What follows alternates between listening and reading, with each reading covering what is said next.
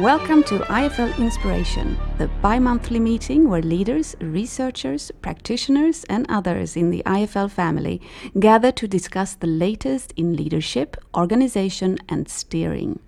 Join us now for another recorded presentation from our podcast library. Here is your host, Carl Eneroth. Hello and welcome to this podcast. With me, I have Lars Strannegård, newly appointed president of the Stockholm School of Economics, and Björn Stigson, former head of the World Business Council for Sustainable Development, and now chairperson of MISUM, a new center of excellence at the school. Lars, what is this all about? Well, it's uh, MISUM is uh, it stands for the Mistra Center for Sustainable Markets, and Mistra is the Swedish Foundation for Strategic Environmental Research. So they have invested 55 million Swedish kroner over a five-year period in order to to support research, education, and outreach activities at the Stockholm School of Economics when it comes to sustainability issues, uh, to make our students and our and our uh, researchers and uh, the corporate partners and the society that we live in become more involved with issues of sustainability. So it's a research uh, and knowledge center. We call it a center of excellence. Uh, that is to develop more knowledge about how markets function and how they can me, be made functioning uh, in a more sustainable way. Welcome, uh, Björn Stigson, to this uh, podcast. You are the chairperson or chairman of the board for MISUM and you have a long experience of working with these issues. Why is uh, MISUM important? Well, um, if we if put MISUM in the context of what is, is happening in the world, uh, when I look at the future world, I look at a world which is uh, going to go through an incredible growth over the next decades. Uh, and that's coming from a few strong trends. The first is we will be more people on the planet. We will add another 2 billion plus up to 2050. And uh, these people will be born raised in what we today call emerging economies. So in 40 years' time, by 2050, we expect that 85% uh, of the world's population will be living in what we call emerging economies today. 15% is the old world. That's Europe, North America, Japan, uh, Australia. Uh, and the focus in these emerging economies today and it will be the same up to 2050, is to reduce poverty and improve quality of life. And that cannot happen if they don't have uh, an economic growth. Uh, because that's the basis for reducing poverty. And that will also mean uh, more resource use uh, in, in many ways. If I take an example, uh, energy as an example, uh, the International Energy Agency in Paris is saying that over the next 20 years, we will increase the use of energy with about a third in uh, in the world. But th that whole increase is in the emerging economies, no increase in OECD. Then there is another important trend which is also driving this, and, and, and that is urbanization. We are urbanized to about 50% today uh, in the world. 2050, we expect to be urbanized to 70%. And uh, in absolute numbers, this means going from 3 billion people living in cities to 6 billion people. Uh, which uh, a little bit uh, then simplified means that uh, we're going to build as much urban infrastructure in the world in the next 40 years as we built in the history of mankind. And how we build these cities will determine whether we have a sustainable world. And these cities are primarily going to be built in, in Asia and Africa. If we back up a bit, you said that um, energy, for example, is a big issue. Why, why is that a problem? Why is growth a problem? The growth uh, is uh, what what this means, and I, I, can come back more specifically to energy uh, uh in, in a moment. But what these trends means that I have mentioned is that we will inevitably have a world which will be resource constrained and it will be pollution constrained. And energy is a big source of, of pollution. And that world means that we will have to inevitably transform uh, towards sustainability. That, that's what uh, these very simple trends uh, means. Business as usual is not an option. This will be a very, very different world uh, that we are looking at. I know you're now trying to uh, reorientate the, the school to a new future. Is this part of this? Absolutely, it's part of it. It's uh, it's not like I'm reorienting the school. It's nothing I can do by myself, of course. Uh, but apparently, as I said, the the world uh, has some gigantic challenges ahead of it, and we as a school, since we are uh, educating leaders of the future, if you will, uh, it's absolutely key for us to bring in these big issues and, and, and, sort of big thinking in, into our education programs. It doesn't really matter on what level. It's, it could be the undergraduate, it could be the graduate, and it could be executive education. I think we have students and, and researchers who this uh, initiative will really help uh, not just the school in itself, but hopefully society at large over time. You mentioned energy constraint. I understand that yeah. because the energy would be a scarce resource, but yeah. pollution constraint. What do you mean by that? For instance, climate change. That we cannot let out. But we no, I mean there are limits to how much uh, uh, CO2 we can emit into the atmosphere before we have serious problems. You have uh, other constraints, uh, water pollution. You've got uh, a number of other pollutants, and and in many countries, the big polluting pollution issue is, is local air pollution. If you if you look at China today as an example, I mean if you look at Beijing, Shanghai you have very, very serious uh, local air pollution. That, that's actually the biggest pollution issue in China and in many of the emerging economies. But what, what is new here? I mean, economy is handling scarce resources. That is what economy is about. What is new in this situation? No, um, the economy uh, is very good at handling scarce resources within very well defined uh, narrow limits. But markets uh, are not good at driving transformational change. Markets are good at allocating resources within very well defined uh, frameworks. But when we look at the world here going forward, we look at the, at the world which will have to go through very, very substantial transformations. And that world, that will not be able to be driven by markets alone. Markets are slow, market are not very sharp, uh, and market are not good at driving transformational change. That requires uh, um, uh, that markets are being complemented with regulation. So a big issue is what kind of regulations will be needed to drive transformational change. If we look back uh, historically, has there been a good example of where regulation has driven transformational change? Yes, you, there are many, many examples of uh, where regulation has been, been driving transformational change. We would not ha have a society that looks like it does now if we just left it to markets. Uh, but uh, uh, and this is something that uh, sometimes economists uh, find hard to accept that markets are not perfect. Uh, yes, markets are good for certain things and within the right kind of, of, of context, but markets cannot create a sustainable world on their own. And this is something that the global business community is very much uh, in agreement with. So see, we, we uh, created uh, in the World Business Council, uh, we had many projects, but we had one that was called Vision 2050. And, vi and the World Business Council is something. Uh, the World Business Council is an uh, is the leading voice and face of global uh, business. Uh, created about 20 years ago, and uh, for 17 years I was the president of uh, of this organization. there are about 200 member companies uh, two of the biggest, 200 of the biggest companies in the world uh, uh, represented by their chief executives.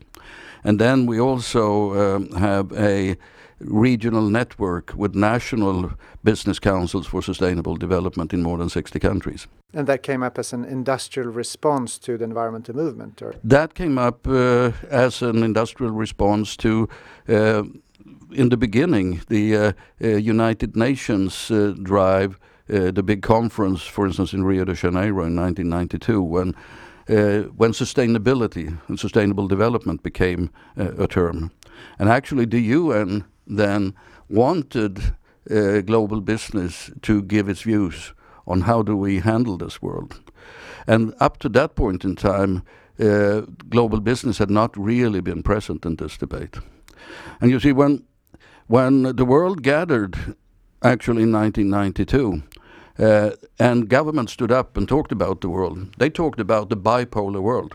They described a world that consists of governments and NGOs. Business did not exist. And, and we said, uh, wait a moment, uh, and uh, uh, this is not the way we perceive the world. And then in uh, five years later, Rio plus five, then we had managed to change the debate. So now we talked about the tripolar world, a world that consists of governments, business, and civil society. And when we came five years further into the future, 2002, there was a big summit on sustainable development uh, organized by the UN in Johannesburg. And then it was very clear that business was now being perceived as an innovator and implementer of solutions. I actually brought more chief executives to Johannesburg than there were heads of governments. So I was accused of hijacking the summit. And uh, now in 2012, 20 years after Rio, there was a, a new conference in, in, Rio, a new World Summit on, on these matters. And that, then it was absolutely clear that the global uh, companies, the leading companies globally, were way ahead of governments in, in understanding the challenges and in driving change.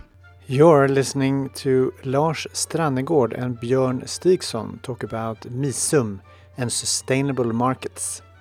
So, in what way do you think this can inspire future leaders at the school and elsewhere? we notice very clearly that they are interested in in uh, contributing to society at large. It's a very it's a big big uh, shift. Uh, you could say that we hear this more and more often. People are interested. Uh, the the younger generation they are interested in making a difference. They're interested in sustainability issues and in issues of values, etc., etc. Uh, so they really want to contribute, and uh, I think that the that the Center for Sustainable Markets can really help the schooling becoming much more of, of an attractive place because it's uh, it can help the students receive their goals. Which would you say is the leading company now? Which which company are you inspired by? Well, if, if I look at the 200 members of the World Business Council, about 60 of those uh, were uh, are headquartered in the EU, about uh, 45 in North America, 25 in Japan, and and the rest is uh, is spread out. And uh, there there are different actors that are leading in in different industries. I mean, if you take uh, uh, the food industry, uh, consumer goods, you have companies like Unilever that's very uh, much in the forefront. If you take on, on the automotive side, Toyota with its hybrid car started early. Now you have others coming in like BMW and others with electric cars. And you, you can go uh, sector after sector. And uh, we, in the World Business Council, we ran many uh, sector projects uh, looking at the challenges for different sectors. And uh, in many sectors, if you can bring together the 10 to 15 leading companies, you normally have more than 50% of the economic activity in that sector globally in the room and uh, then you are you have a number where you can, uh, so to say, agree on uh, on things. But we we also looked very broadly uh, on these matters uh, in in uh, the World Business Council, and we. created a we had a project that came out with a report in 2010 that was called Vision 2050 and about 30 of our member companies worked for more than two years on this. And they, they created a vision which they called 9 billion people living well within the limits of the planet. Now, what does that mean? What is the trick? and basically, they saw two mega challenges. The first, that you have 85% of the world's population that wants to have a better life. And there is no way the resources uh, will be sufficient for them to live at the same resource intensity as presently in the rich world.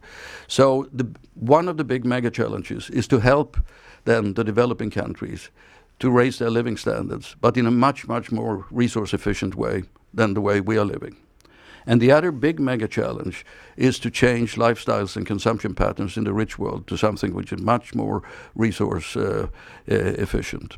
Those are the two mega challenges. Then what, what the companies did, they also created a, a pathway up to 2050. They divided up uh, economy, society in nine pillars. And uh, from on one uh, side, soft issues like people's values, to hard issues like materials, buildings, transport, energy. And, and then they said, is it possible to see a sustainable world 2050 in each different elements, and what would that mean?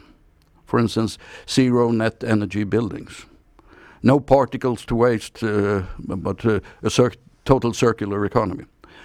And, and, then they, and then they said, we, we think this is possible to achieve. Uh, and we had companies that were specialized in these different areas. And they said, we think, we think it's possible.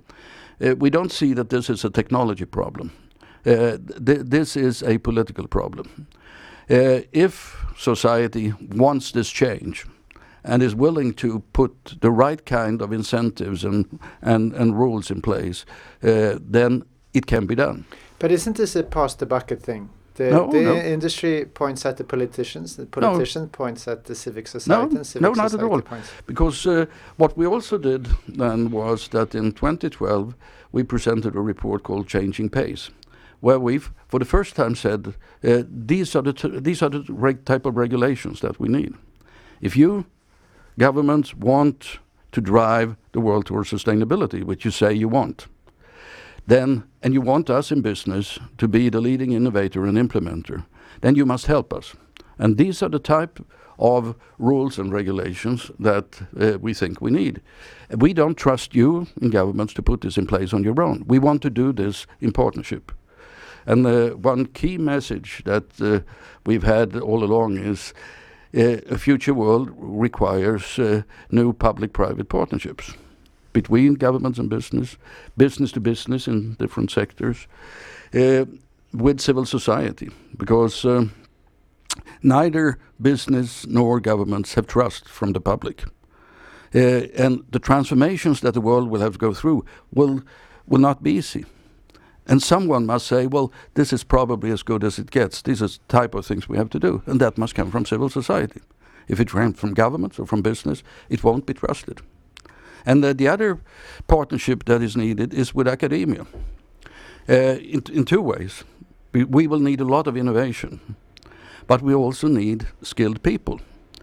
And when I look at the uh, at, the academic world, uh, not only in, in Sweden but acro- across the uh, the globe, the academic world has up to now basically educated students about the past, what has worked and not worked in the past, but very little education about the future.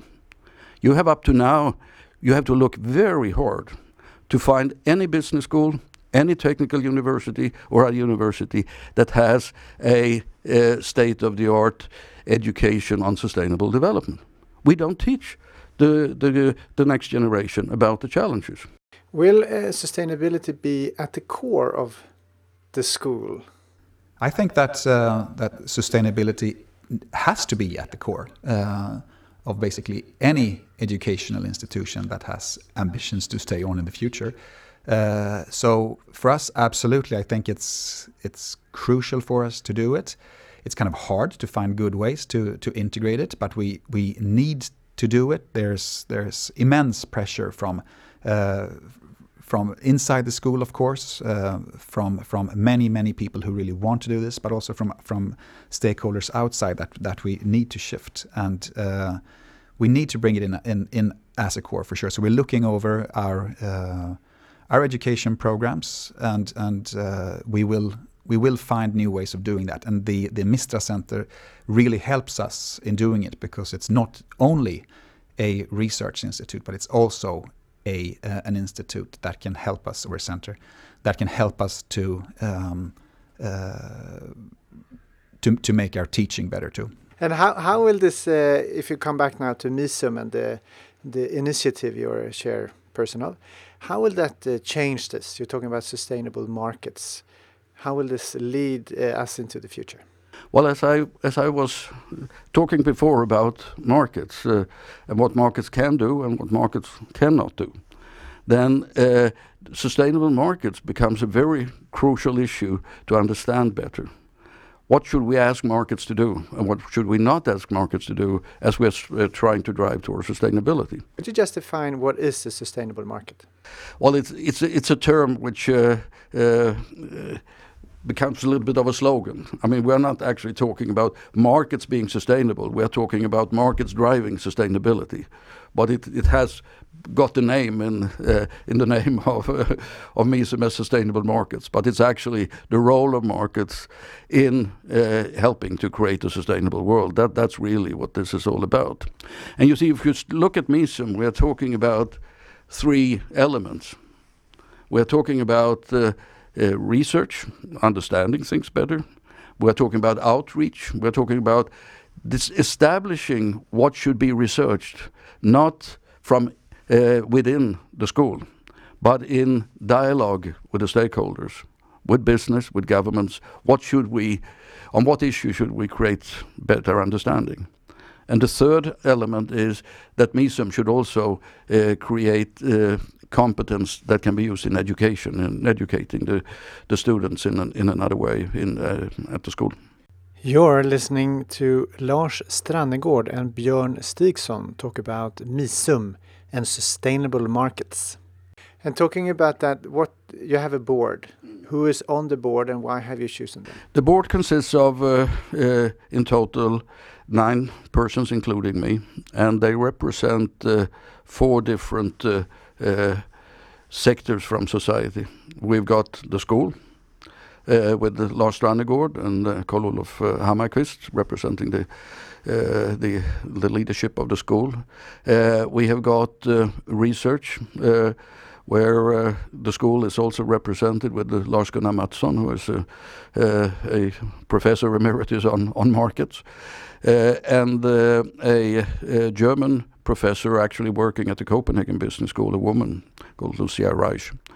Uh, then we have the uh, political uh, sector represented by an ambassador from the Ministry of Environment, global ambassador um, on on oceans and, and water, Lisa Emelia Svensson.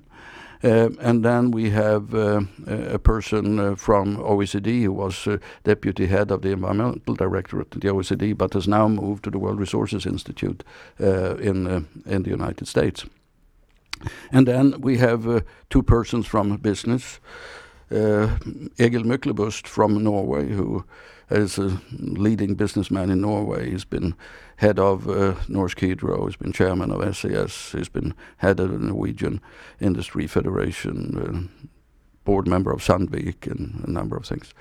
And and then Alexandra Mörner, uh, the daughter of Antonia Axelsson Johnson, who's the head of the uh, Axel uh, of Antonia Johnson's foundation. On and one of the initiators of the World Business Council. Antonia was one of the original 50 initiators, and so was Egil Myklebust. So uh, Egil Myklebust was a member of the board of the World Business Council for 10 years, and he was also my chairman for two years. So if we uh, go back, how much uh, sustainability is the core idea. How do you think that would change the school? How do you think that would change Sweden in the coming five years? What kind of imprint would you like to do with this initiative? I, I think uh, uh, it will change uh, the education curriculum. I think you will, in five years' time, have sustainability as a cross cutting issue that will be a track in all parts of, of the education uh, in uh, at the school. Uh, because what we need to teach the students, and Lars Strannegård and I are very much in agreement on this, is to understand society from a broader perspective. Then they can be specialists on finance, they can be specialists on marketing or whatever, but they have to be able to put that in a broad con context. We will not be able to run this world if people are very narrow in their perspective. So we must give them the broad perspective and then teach them specialities. And that's broad, that broad perspective that we haven't been teaching them up to now. So that is something that I think uh, uh, you will see. And uh, I think uh, you will also, when it comes to Sweden, see that the school will, MISUM will play a role as a form for bringing together the different stakeholders uh, on these matters in Sweden and be a platform that can catalyze the thinking, dialogue, uh, and so on. So we see that outreach element, both bringing knowledge from the school out, but also bringing uh, views from the outside world into the research program. What I hear you saying is that markets are good at uh, running and making more efficient components, Yep. whereas system thinking starts from an imprecise starting point and you know where it's going. Yeah.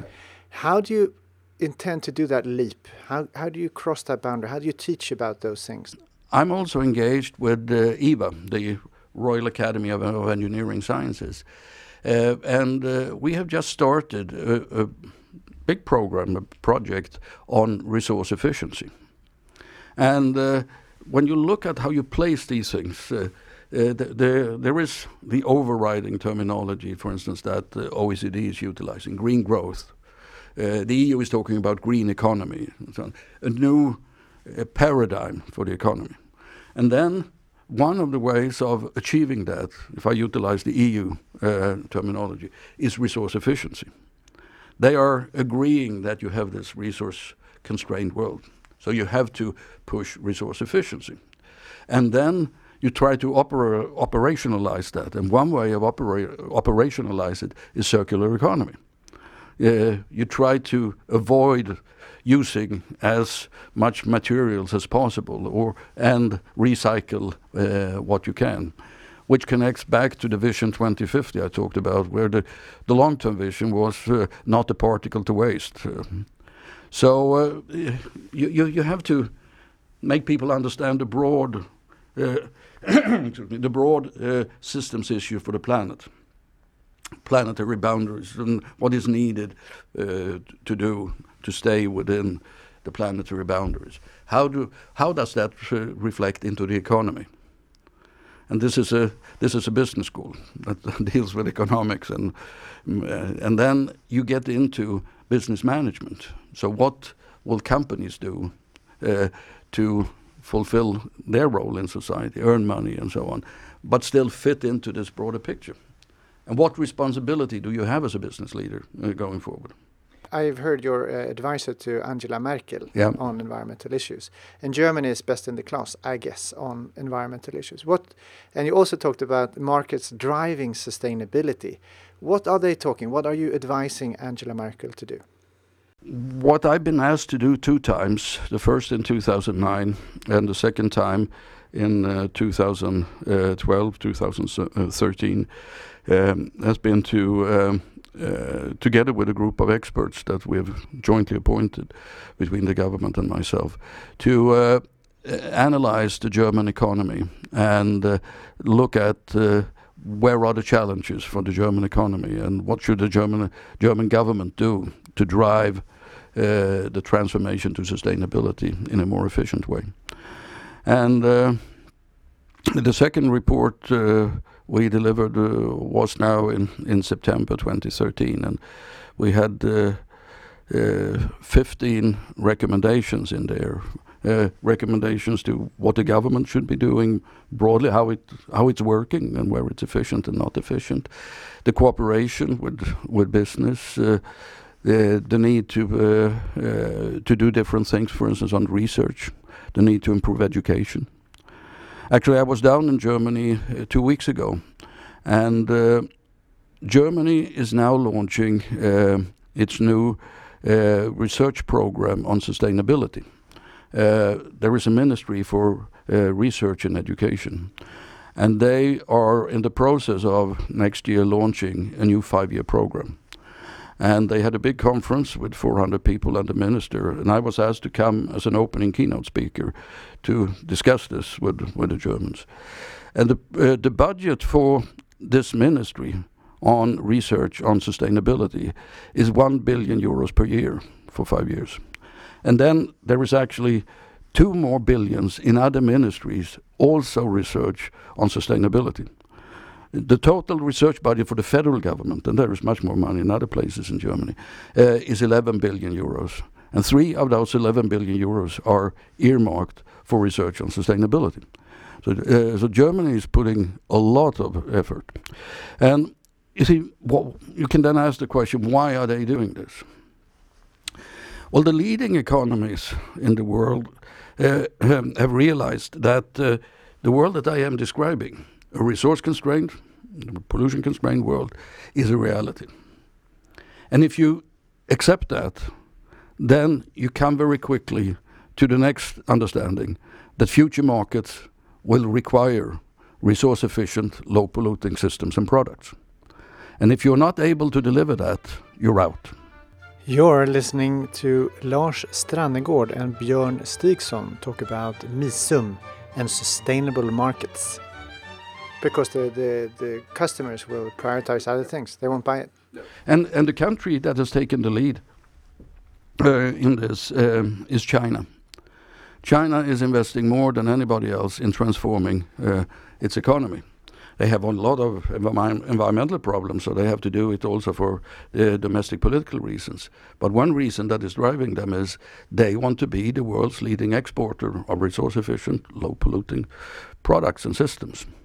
And, uh, and Germany has to keep pace with it. And Germany and, and Europe needs to uh, respond to that. So there is what I've called now, since three, four years, a green race going on, a competition.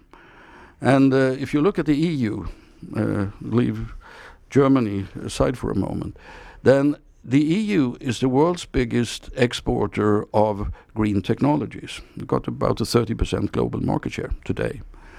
But half of that is Germany. And largely uh, financed by public funds. Uh, no, th this is export uh, uh, of products and, and, systems and so on. That, that, so that's driven by business. That, uh, but uh, about, but, but it is products and systems that are categorized as green technology.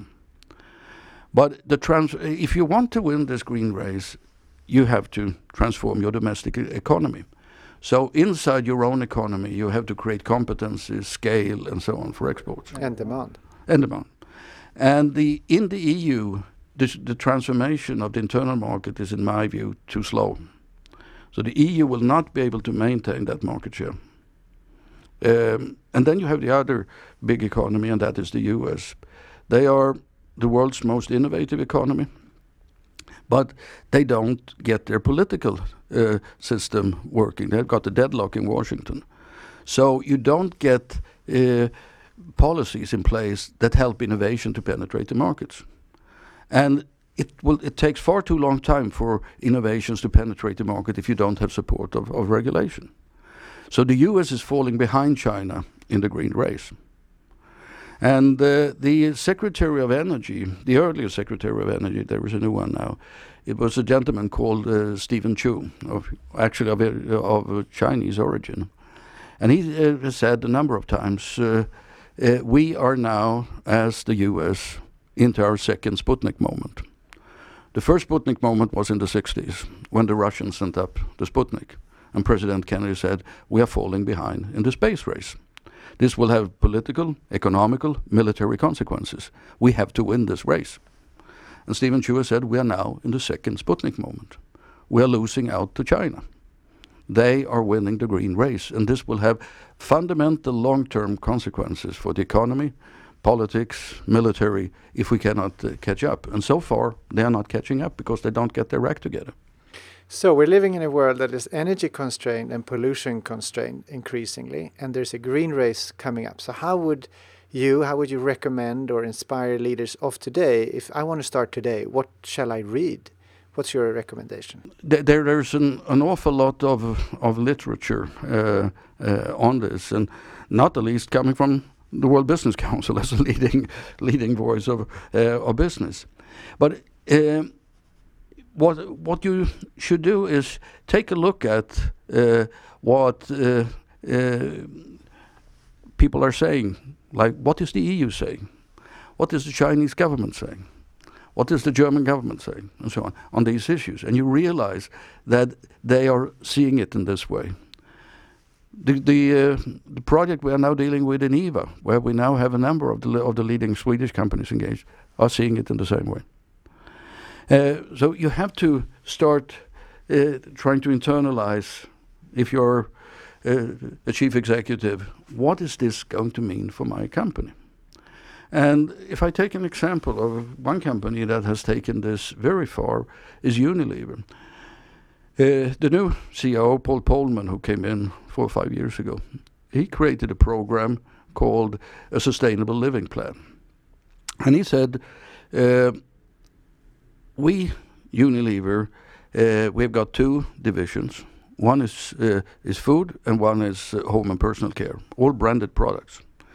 And he said, with the growing living standard, the growing middle class in the emerging economies, they they will want then branded global products. And he said, that probably means that we can double our turnover in 10 years' time.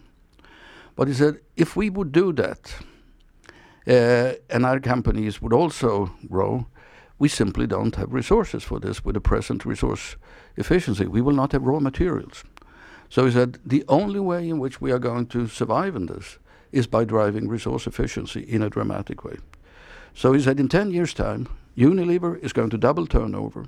At the same time, Unilever is going to cut resource use in half in absolute terms, which means be, the resource intensity is going to be 25% of what it was when we started the program. And this is the, the official strategy for Unilever. And in that way, also reducing the cost for the products and getting absolutely the margins right. No, and he was saying if we don't do this, they, there will be so cost, resources will be so costly, so we will simply not be profitable. And you can look at sector after sector and see what the leading companies are doing. Let's take automotive. Uh, in 2011, we had a council meeting in Munich, which is the uh, home of BMW. And one of the uh, top executives of BMW was on a panel. And and he's and it was a discussion about the world and transportation and so on going forward. And he said, in BMW, we are totally convinced that in 10 years' time we need a completely new product program and a completely new business model. Otherwise, we won't be around. The way we are manufacturing cars, the type of cars we are selling, the fuels we are using will not be sustainable in 10 years' time. And you see now how they are pushing electric cars, as an example. Uh, and they are pushing uh, arguments of resource efficiency uh, to a very high degree. And this goes, you go into a chemical company. They are trying to get off uh, fossil fuels as a feedstock and get into, into bio feedstock. Can go business after business. The leading companies are realizing that this is the future world. And if you are not resource efficient, low polluting with your products and services, forget it. You're not going to be around. Isn't there sort of a counter argument here that uh, if if the prices go up for a, uh, on a resource, people will then shift to another one? You replace one uh, material with something else. Sure, I mean that will always go on. Oil will be replaced with gas. Oil will be replaced uh, with electricity. Uh, that is already ongoing. Uh, so, uh, but that does not change the basic notion that we are in a world where all resources will in one way or other be scarce and resources that you cannot use because they might be polluting like oil well you cannot use it because you will simply be taxed on pollution or the resource itself is polluted yeah. as the water in yeah. China yeah. So, uh, just to round off here, on a personal level, what got you into this? In 1990, uh, then the preparation started for this big conference that I mentioned in Rio de Janeiro. And the UN asked a Swiss businessman, uh, Stephan Schmidheiny, to try to gather a council of business leaders and give a business input into this. Now, Stephan Schmidheiny happened to be the, the biggest shareholder in ABB. And uh, I was the guy responsible for environmental control. So he came to me and said, Björn, can you help me? I mean, we... We have to say something. Yeah. Well, you are the specialist. Uh, I've got the money, but well, let, us work together. And so I, I got involved with, uh, with those issues then and, and what we did in those days. And then I left ABB. Um, uh, and uh, uh, after a couple of years, Stephan Schmidheiny came back to me and said, uh, we we really need to do something real here now from the global business community. We need to really uh, have a voice and, and face uh, that can defend the role of business. What, what is the role of business in this transformation that the world will have to go through? So he asked me if I could be the president of and build up this organization that from the beginning was only one, about 50 business leaders. And uh, I thought I'd help with that for a couple of years, and I ended up doing it for 17 years. And the last question here uh, the environmental issue is a global issue. How will the Stockholm School of Economics act as an international actor in this field? We are an international player already, and I think that if we are if we are if we're able to to really uh, treat these issues in a in a good, systematic, uh, and inspiring way, I think that uh, SSE can actually be a, real leader within this field. We have a pretty proud tradition, not just the SSE, but also Stockholm and Sweden as being uh, somehow associated to issues of sustainability and and environmental um, care, if you like. So I think it's a it's a great potential that actually lies in this entire sustainability field that that uh, I believe will will help SSE to be become even more prominent in the future. Do you have a personal stake in this? Do you really believe in the sustainability issue? I, I wrote my PhD uh, about sustainability issues. It was even called Green Ideas in Business. So my entire uh, career as a, as a young researcher and thereafter too uh, was completely focused on sustainability issues. So it's if it's something that uh, yeah, that, that I that I feel a real proximity and affinity to. It's it's of course sustainability issues. Okay, thank you very much for uh, coming and discussing the MISUM, the new initiative at the Stockholm School of Economics. We're so looking forward to the results coming out from that and the potential cooperations that we will have with society. So thank you very much. Thank you. Pleasure to be here. Thank you.